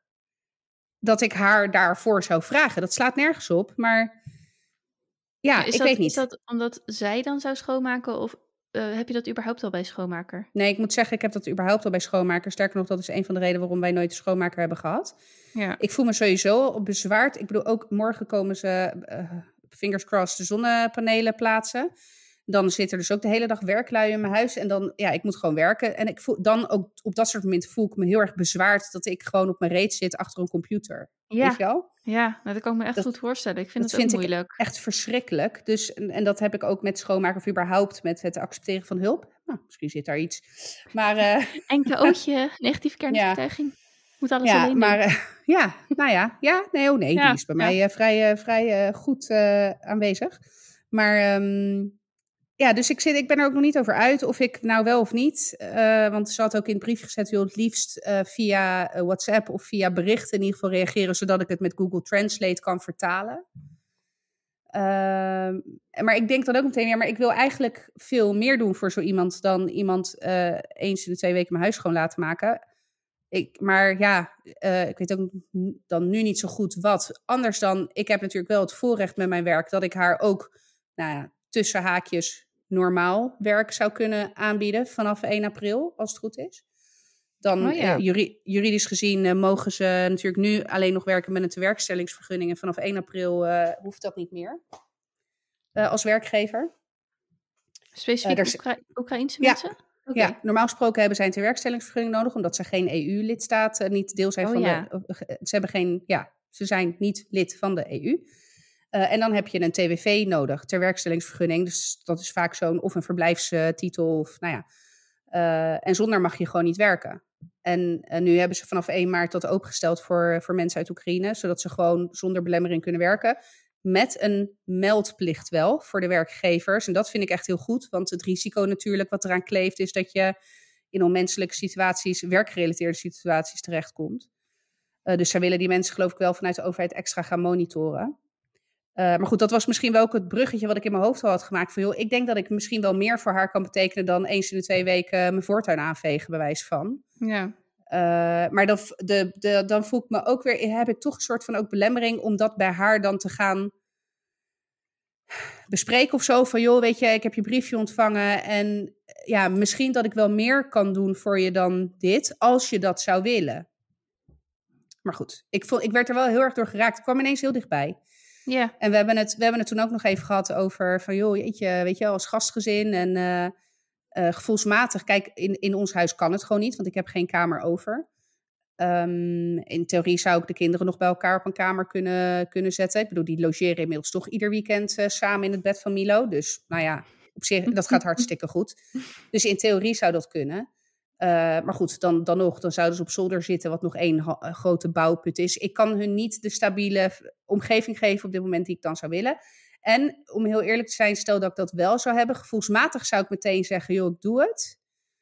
Uh, maar ik, ik weet niet of ik het om de juiste uh, reden zou doen. Zou ik het dan doen om mijn eigen gevoel van barmhartigheid of zo te voeden? Of snap je wat ik bedoel? Om, nou, kijk, ja. kijk mij is een... een is dat dan een altruïsme of zo? Uh, ja, juist niet, volgens mij dan, oh, toch? juist niet, ja. Ik kan dit weten nooit zo goed. Maar ik heb ja. ook wel eens een theorie gehoord dat, dat je altijd iets goeds doet om jezelf goed te voelen. Tuurlijk, alleen het gaat er even om, doe ik het vanuit de motivatie om mezelf goed te voelen? Of doe ik het dan ook echt, uh, ja, omdat ik echt de wens heb om, nee, ik heb niet per se de intrinsieke wens om, een, om vluchtelingen in huis te nemen. Nee. Snap je wat ik bedoel? Dus, uh, maar goed, dus daar ontstond een heel hele, nou ja, niet discussie, maar meer gewoon gesprek over, ook met Frank, over hoe we daar dan in zouden staan. Maar goed, dat is ook lekker hypothetisch, want ja, zo sta, zo, de, de mogelijkheid is er gewoon niet. En toen zei ik wel nog, en ik weet dat, ik weet dat moeder de podcast luistert. Uh, we zeiden wel allebei, nou, stel dat we net zoals, en niet dat mijn moeder dat zou moeten doen, want die kan dat ook niet uh, vanuit gezondheidsoverwegingen. Uh, maar stel dat we het huis van mijn ouders zouden hebben, weet je, die inmiddels zijn, zijn ook nou, drie van de vier kinderen het huis uit. Dus die hebben echt wel ruimte. Maar stel dat dat onze situatie zou zijn en we zouden gezond zijn van lijf en leden, ja, dan kan je iemand ook een hele etage in theorie aanbieden, weet je wel. Dan is dat met eigen badkamer en alles. Dus dat is misschien dan ook alweer anders, ook in het stukje gezinsverhoudingen. Want ja, ja. Weet je, je, bent, je zit echt ja. heel erg in elkaars aura. En je spreekt niet dezelfde taal. En je hebt ook nog te maken met een, nou ja, potentieel heftig trauma van die mensen. Wat zich op allerlei manieren kan uiten. Zeker ook als er kinderen uh, mee zijn. Dus nou ja, uh, nou, lang verhaal kort. Ik vond het echt mega tof van dus de buren hier in de buurt dat zij dat hebben gedaan. En vervolgens zat ik ook te denken, oké, nou, misschien kan ik wel meer dan dat voor haar betekenen als ze dat wil. Want dat is natuurlijk ook nog maar de vraag. Ja, nou ja, dat, dat, ik, ik snap het wel. Ik snap het wel. En um, het enige wat ik dan denk, maar dat, is, dat lost allemaal niet op, is nou maak het niet te groot. En mocht je haar inderdaad een klus kunnen aanbieden, en ja. je zou dat willen doen. En dan van daaruit maar weer verder kijken. Ja, ja dat is misschien nog wel een goeie. Dan ja. heb je ook al het contact gelegd, zeg maar. Ja, en dan ja. kan je altijd nog kijken van... kan ik nog iets? En misschien dat er nog vanuit je werkgever of zo... iets wordt geïnitieerd. Een, een werkgroep of een projectgroep of zo. Die, uh... ja. Maar nee, ja, ik vind, hem ook, ik vind hem ook lastig. Want ik zou ook zeggen, wij kunnen hier uh, wel een kamer vrijmaken. Vrij makkelijk. En ja, even heel kort over gehad, maar dezelfde gedachtegang als die jij hebt. Maar ja, weet je, ja, ik denk ook maar, dit is ook maar aan, ligt eraan wie je treft. En tegelijkertijd denk ik ook, stel dat ik in die situatie zou zitten, zou ik ja. niet, als je met je kinderen, want ja. je, je uh, op pad moet, dan ben je al godschuwelijk blij met één vierkante meter waar je bij elkaar kan zijn en een dak boven ja. je hoofd hebt. Dus, ja. um, maar dapper hoor. Maar echt goed dat ze dat hebben gedaan, inderdaad. En cool dat zij ook gewoon uh, zeg maar. Ja, de stap naar buiten uh, durft te zetten, ja. zeg maar, om contact ja. te leggen hierover. Nou, daarom, ik denk wel dat ik er iets mee ga doen, maar ik weet nog niet zo goed wat. En misschien dat ik ook wel, ik ze heeft ook het adres achtergelaten op dat briefje waar ze dan verblijft. Misschien dat ik haar wel gewoon een berichtje stuur van, joh, weet je, uh, zullen we eens kennis maken of zo, weet je wel? Ja, ja. Ik ben benieuwd hoe dat dan, weet je, nou, dan gaan we allebei met Google Translate of zo. Nou, ja, ik weet het niet. Maar ik, het, het houdt me wel echt bezig. Ja, ja. snap ik ook. En jij had ook iets over Mark Overmars? Ja, ja joh, die, uh, die mafklapper die uh, gaat nu in Antwerpen aan de slag als technisch directeur. Tuurlijk. En weet je waar ik nou nog het meeste echt... Nou, ik, ik, het, ik las het bericht en echt mijn bek viel open. Uh, ze hadden uitgebreid gesproken over de situatie. En uh, nou, afgezien van het feit dat hij zei dat hij het nooit meer ging doen, daar moest ik al een beetje om grinniken. Ik denk, nou, de, de weet je wel. maar uh, los daarvan was het dan ook nog dat ze, ze, hebben het, ze hadden het uitgebreid erover gehad en er was een match op normen en waarden. Oh, dan vraag ik me af wat voor normen en waarden Antwerpen heeft. Nou ja, dat. Wat is dat, VV Antwerpen? Lokale weet ik, Antwerp, nog wat. Ik weet het niet, ik weet niet eens wat de voetbalclub is. Het, het, uh, het, ik dacht, weet je, en dat hij niet de rest van zijn leven afgeschreven zou worden, dat snap ik nee. ook wel. Die, die vent is 48. Weet je, die moet nog 20 jaar bewijs van. Dus weet je, prima. Maar ik had ook, als ik over Marcel was geweest, had ik misschien wel bedacht, mwah, laat ik een jaartje even in de Nou, luwte da- da- blijven. daar hadden wij toen natuurlijk ook over. En dat was ook een van mijn punten inderdaad. Van hoe lang moet iemand boeten? Ja, niet zijn hele leven. Maar er is een soort van maatschappelijk eh, gewenste nou, tijd. dit dat is je niet- geval eventjes ja. niet... nou, hè? dit is niet acceptabel wat mij betreft. Eh, Ik had wat er is nog een het? eh, interessant eh, trouwens gesprek eh, met mijn nichtje over. oh, Want zij zei, zij had nog een mooie invalshoek daarin, her- her- herinner ik me nu. Ehm, zij zei, deze mannen zijn van jongs af aan in de voetballerij gegroeid. En vrouwen hebben zich altijd... De situatie voor hen is, he- Ja. is heel maar, maar heel beperkt referentiekader hè, dat ze hebben. Ja. De situatie voor hen is, eh, voor veel voetballers, voor een, groep voetballers, is dat de vrouwen zich aan hun voeten werpen. ja, dat is werpen. waar. Ja. Eh, vanaf dat ze 17 zijn. eh, tot aan. Nou, en op een gegeven moment zijn ze een beetje afgetaaid en afgeschreven. Maar dit is nog steeds hun Ja. referentiekader. En niet dat ze verwachten dat de vrouwen op hun werk zich net zo als groupies. Eh, maar er zit wel iets van een verwachting. En het is niet dat ze het goed praten hoor. Eh, nee, dus, we hadden echt wel een heel leuk gesprek daarover. Dat het fout is, staat buiten kijf. En dat het dat iemand dus de tijd moet nemen om die kernovertuiging los te werken. Ben ik het ook mee Ja, eens. dat het oké is om het- je piemel eh, te sturen naar te iemand. sturen ja. ongevraagd naar iemand.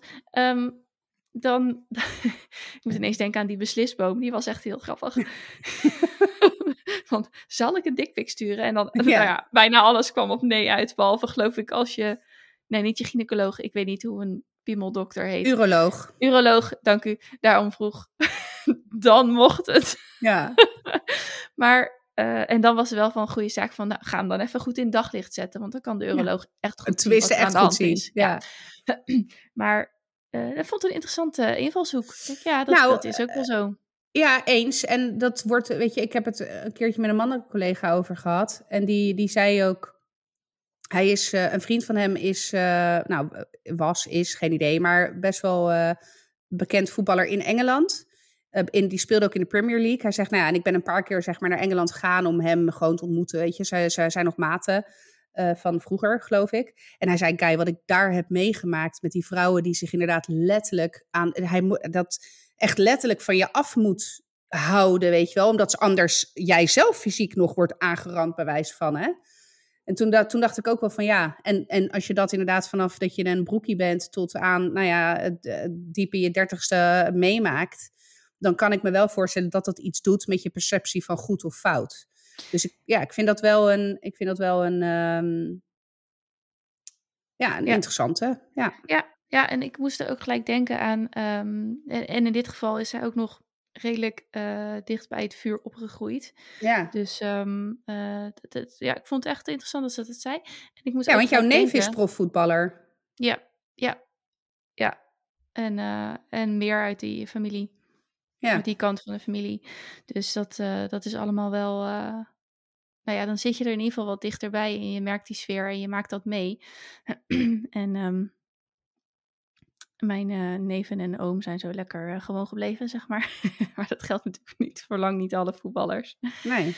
Maar ehm, nee, en eh, wa- waar ik ook aan moest denken is dat je, er zijn, ik ga het super anonimiseren, maar er zijn verhalen van werkomgevingen waar echt oude mannen, zestigers, echt niet oké opmerkingen maken tegen v- 40 jaar jongere Ja. collega's.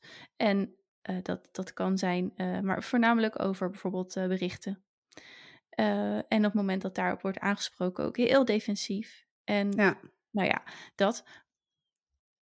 Maar wat had ik nou laatst ook nog een heel specifiek iets. Ja, gewoon dat, dat, dat ze op zoek zijn naar nog steeds die bevestiging van ik mag er nog zijn. Zie je? Ik ben nog aantrekkelijk of ik ben nog... Misschien dat ze vroeger... Begeerlijk. Begeerlijk, nou ja, hebt, ja. ik, ja. Misschien dat ze vroeger en eh, de waarde van een belegen man zeg maar, kan net zo hoog zijn als die van de jonge vent. Maar dat gaat ergens schuren. Dat Mhm. je in vroeger tijden misschien ook niet oké je hebt gedragen. Hè? Dat is natuurlijk ook nog maar de vraag. Maar dat je toen nog een soort van respons kreeg wat je, waar je graag op hoopte. Omdat je toen nog eh uiterlijkerwijs zeg maar eh, Ja. een aantrekkingskracht had. Nu je 60 bent, is dat beduidend minder. Sowieso bij de vrouwen die jij nog aantrekkelijk vindt. ja. Er was een staatje gezien dat naarmate de vrouw ouder wordt, dat ze ook ongeveer aangetrokken wordt. Of in ieder geval aange- aangeeft in dat onderzoek om eh, te denken van ik ben 37 dus bijna. En ik vind mannen van 40 of eh, tussen de 30 en de 40 ook aantrekkelijk. Maar dat het bij eh, een groep mannen die ook onderzocht werd, rond de 25 bleef steken.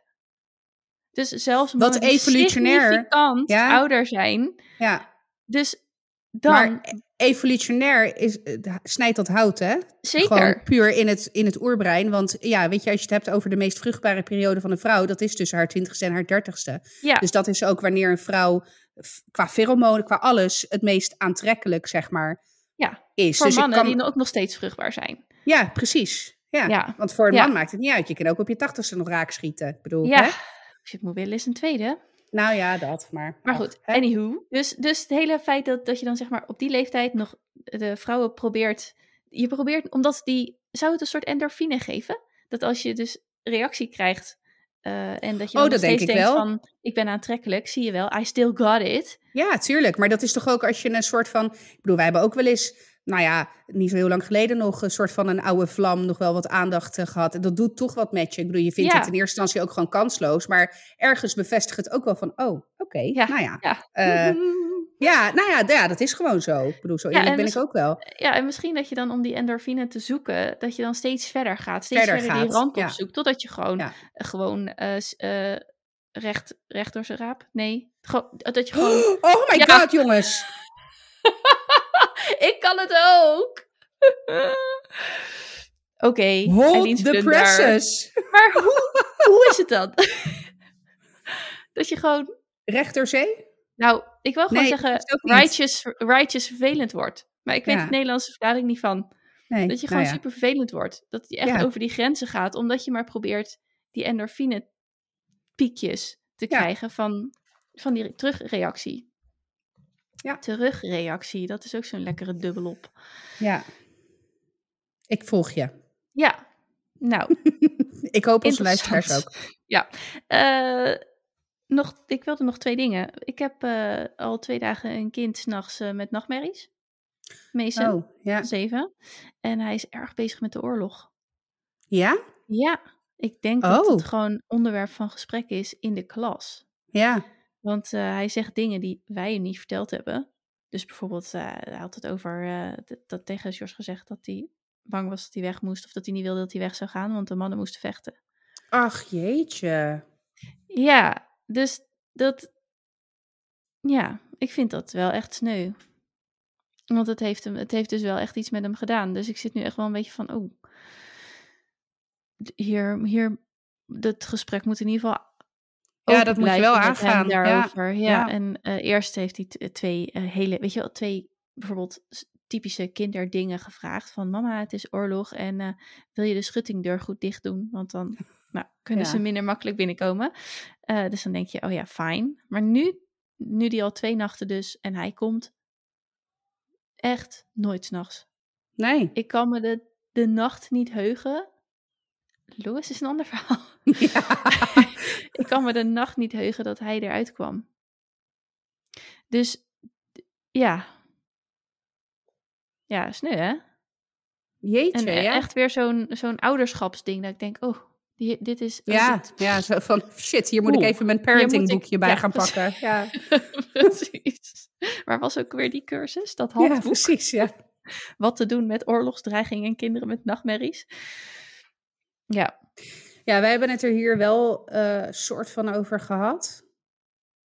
Eh, ik heb niet het idee dat Zeno angstig is. Ik denk dat hij meer nieuwsgierig is. En hij, eh, dat hij hier af en toe zegt, oh, Poetin is echt stom. Weet je wel? Ik denk, ja, oké. Ja, Ja, ja, inderdaad. Ja, maar volgens mij kijken ze ook schooltv eh op, op school. Dus, dus hij krijgt het daar waarschijnlijk ook wel mee.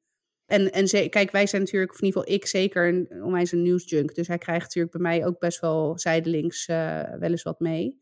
Ik heb niet, nee, hij heeft er geen nachtmerries volgens mij over gehad. Nee, ik denk echt dat het hem. eh, ik denk echt dat ze eh, het gewoon onder, onder elkaar over gehad hebben. En dat er kinderen zijn die ook heel een soort van. En dat snap ik, een soort excited worden van dit. Ja, Het is toch een soort spannend. ja, en- ja nee, dus, dat herken ik Eh, voor ook bij Zeno. Ja, ja. ja, ja, en ja dat die is gewoon niet- nieuwsgierig. Ja. Precies, en dat is niet slecht. Maar dat het bij hem net even verkeerd valt. Ja. Waardoor hij uh, ja, zich daar gewoon zorgen over gaat maken. En dat hoeft helemaal niet als je zeven bent. Uh, en het is natuurlijk ook niet aan de orde voor hem in zijn dagelijks leven. Dus uh, dit, dit, dit moet ik even, nou ja, moeten we eventjes goed aanpakken. Ja. Maar goed, het is inderdaad wel weer even, oké, okay, even een, uh, even een uh, tandje bijzetten als het gaat om ouderschap, inderdaad. Ja. Goed proberen te herkennen. Misschien moet ik het ook wel tegen de juf zeggen of zo, weet je wel. Nou ja, ik zou de vraag gewoon stellen aan de juf. Uh, ja. Van joh, hè, ik, dit hier loop ik tegenaan. Kun je aangeven wat er vanuit de klas bijvoorbeeld is gezegd? Kan ook zijn hè, dat er, dat, dat tenminste ik kan me voorstellen als een juf dat opmerkt in een klas dat daar iets speelt, dat je daar dan aandacht aan besteedt. Zeker zoiets. Ja ik zou gewoon de vraag stellen en, en uh, of zij nog tips heeft of weet ik veel, vanuit welke invalshoek dat zou kunnen. Er zijn, want ik heb daar wel toen, toen het net uh, gebeurde naar gezocht, naar wat artikelen over hoe je dan met je kinderen praat over de oorlog. Omdat ik, nou ja, die vraag, omdat Zeno dus heel nieuwsgierig is, bij ons ook wel had verwacht, zeg maar. Ja. Um, ja, en, en ik weet niet meer precies hoor wat erin stond, maar van joh, uh, probeer gewoon wel eerlijk te zijn, maar het kind gerust te stellen. Dat was volgens mij een beetje de strekking van het verhaal. Dus niet, uh, net zo, een beetje hetzelfde net als met doodgaan, weet je Dat je niet moet zeggen, oh opa vliegt boven ergens in de wolken of is met het vliegtuig weg. Maar dat je wel gewoon duidelijk moet zijn over, nou, nou daar hebben we natuurlijk met mijn schoonmoeder toen ook gehad. Ja, van nee, ja. hè, oma is overleden, die is er niet meer. En waar ze is, ja, weten we niet. Sommige mensen geloven dat ze in de hemel is. Sommige mensen geloven dat ze gewoon, weet je wel, dus op die manier. Uh, dus door eerlijk te zijn, maar het wel zeg maar naar het niveau van het kind te brengen. Ja. En Ja, geruststellen is inderdaad volgens mij heel belangrijk. Ja, ik wil ook inderdaad niet, uh, geen, geen sprookjes ophangen. Um, maar ik moet er eigenlijk even achter zien te komen wat hem echt uh, dwars zit, zeg maar. Ja, precies. Want Dan kan je daar gericht op. Ja, want dat, dat, het idee dat papa weg zou gaan, ja, dat was Ja. totaal niet meer opgekomen. Want hoe weet hij dat nou? Ja, dat heeft hij toch ergens opgepikt, maar dat weet je niet. En gelukkig, eigenlijk, komt hij er nu zelf mee, Ja, ehm, zodat we daarop in kunnen spelen. Maar eh, nou ja, komt die studiedag van morgen misschien toch nog goed uit. ja. nou ja, ja. Maar, en het is misschien een goede om ook in de MR mee te nemen donderdag. nou, zeker. Ja. joh, ja, het is een thema. Speelt het in klassen? Eh, ja, ik weet het eigenlijk niet. Ja. Pff, nou, misschien nog één huishoudelijke mededeling. Ik weet niet of jullie het eh, heel zinvol vinden, maar ik vind het toch leuk om even te melden dat we over zijn gestapt van podcast hosting. Ja, Wij zijn namelijk alle drie de jaren. Nee, dat klopt niet. We zijn Nee, begonnen we zijn- Anchor. Ja, Ja. ja. Anchor, ehm, de podcast host waar heel veel mensen beginnen. Omdat ze nu denken dat het een app is, maar het is een hostingbedrijf. Het is gratis. Eh, inmiddels is het van Spotify. Dat was niet zo toen wij daar zaten. En eh, dat, eh, het, het, het is gratis, dus nou ja, je betaalt ergens anders mee. Laten we het daar maar op houden. Eh, je betaalt met je gegevens. Dus daarom, eh, toen ik daarachter kwam, zijn we verhuisd naar Buzzsprout. Echt ontzettend tevreden over geweest, de Amerikaanse partij. Maar inmiddels is er ook een hele sterke partij in Nederland opgestaan. Of ja, opgezet. En eh, opgestaan, dan moet ik altijd aan Jezus denken. ja, hashtag Jezus leeft. ja, die. En, ehm eh, god, ik gelijk met een liedje in mijn hoofd. Oh my god, flashbacks. Ja, focus. Springcast. Eh, ik heb met hen een, ehm, een heel leuk kennismakingsgesprek gehad. Als eh, eh, podcast, zeg maar, ja, vanuit mijn podcast expertness. En ik heb eh, besloten om, eh, of we hebben met elkaar besloten om een soort van partnership aan te gaan. En nou ja, daar hoort ook bij dat ik dus ga ervaren hoe hun systeem werkt. Dus nou ja, we zijn eh, van eh Buzzsprout naar Springcast overgestapt. De, eigenlijk is de reden, de grootste reden technisch gezien, is dat een Nederlands hostingbedrijf aan de AVG voldoet, de GDPR. Ja. En een Amerikaans bedrijf gewoon niet. Eh, en dat ik ook graag, en nou ja, dat ik weet dat jij dat ook hebt, dat je ook graag, ja, is het een lokaal initiatief? Nou ja, sort of, hè? Ja, is- local, zeg maar. Ja, Ja. of tenminste, ja. Ja, dus graag wil steunen. En Support deze- your locals, whatever. Ja. Ja, ja, en ik was wel overtuigd vanuit het gesprek, want dat, dat was ik heel benieuwd naar. Van de, de liefde voor podcasten zit er wel in bij dit, eh, bij dit bedrijf en de mensen die ik heb gesproken. Eh, dus het was heel tof. En ehm, we zijn nu Springcasters. We zitten ook op een eh, abonnement dat bij Buzzsprout, ergens zit een restrictie aan natuurlijk, hè? en bij Buzzsprout was dat in tijd. Eh, ons abonnement heeft dat niet. Dus nou, deze aflevering... Vandaar dat we al uh, een uur en een kwartier jullie oren aan het vol lullen zijn. dus we hoeven allemaal geen uh, dingen meer in te houden. Uh, nee hoor, laten we in ieder geval proberen om het rond een uur te houden. Ja, maar, dat lijkt me een goede... Zou... anders gaan we echt richting Joe Rogan-achtige tafereel. Ja, precies. Ja, ja. Minstens net zo goed zijn we maar. Nou, dat sowieso. Maar, hè? Maar goed, nee, uh, dus, maar wie weet hebben jullie dus binnenkort nog wat langere afleveringen of niet? Ik weet het niet. Maar goed, dit is dus, uh, als het je opvalt, is dit uh, de reden. Ja, nou, ik ben helemaal leeg. Ja, nou ja, ik heb ook gezegd wat ik wilde zeggen. is nou, mooi, hè? Wij, wij beginnen altijd met, nou, ik heb niet zoveel. Nee, ik eigenlijk ook nee. niet. Nou, laten we maar opnemen. Een uur en een kwartier later. We zijn nee, helemaal nee, leeg. Ja. ja. Zou wel eens. Uh, nou, het wordt tijd om uh, deze aflevering af te sluiten. Zeker. Lieve, lieve luisteraar, bedankt voor het luisteren. Vergeet je niet aan te melden voor de nieuwsbrief. Echt de moeite waard en uh, superleuk. Je kan dat doen via de link in de show notes of via ditis30.mailchimpsites.com. We zien je daar graag. En bedankt voor het luisteren. Jullie horen ons volgende week weer. Doei doeg! Doei!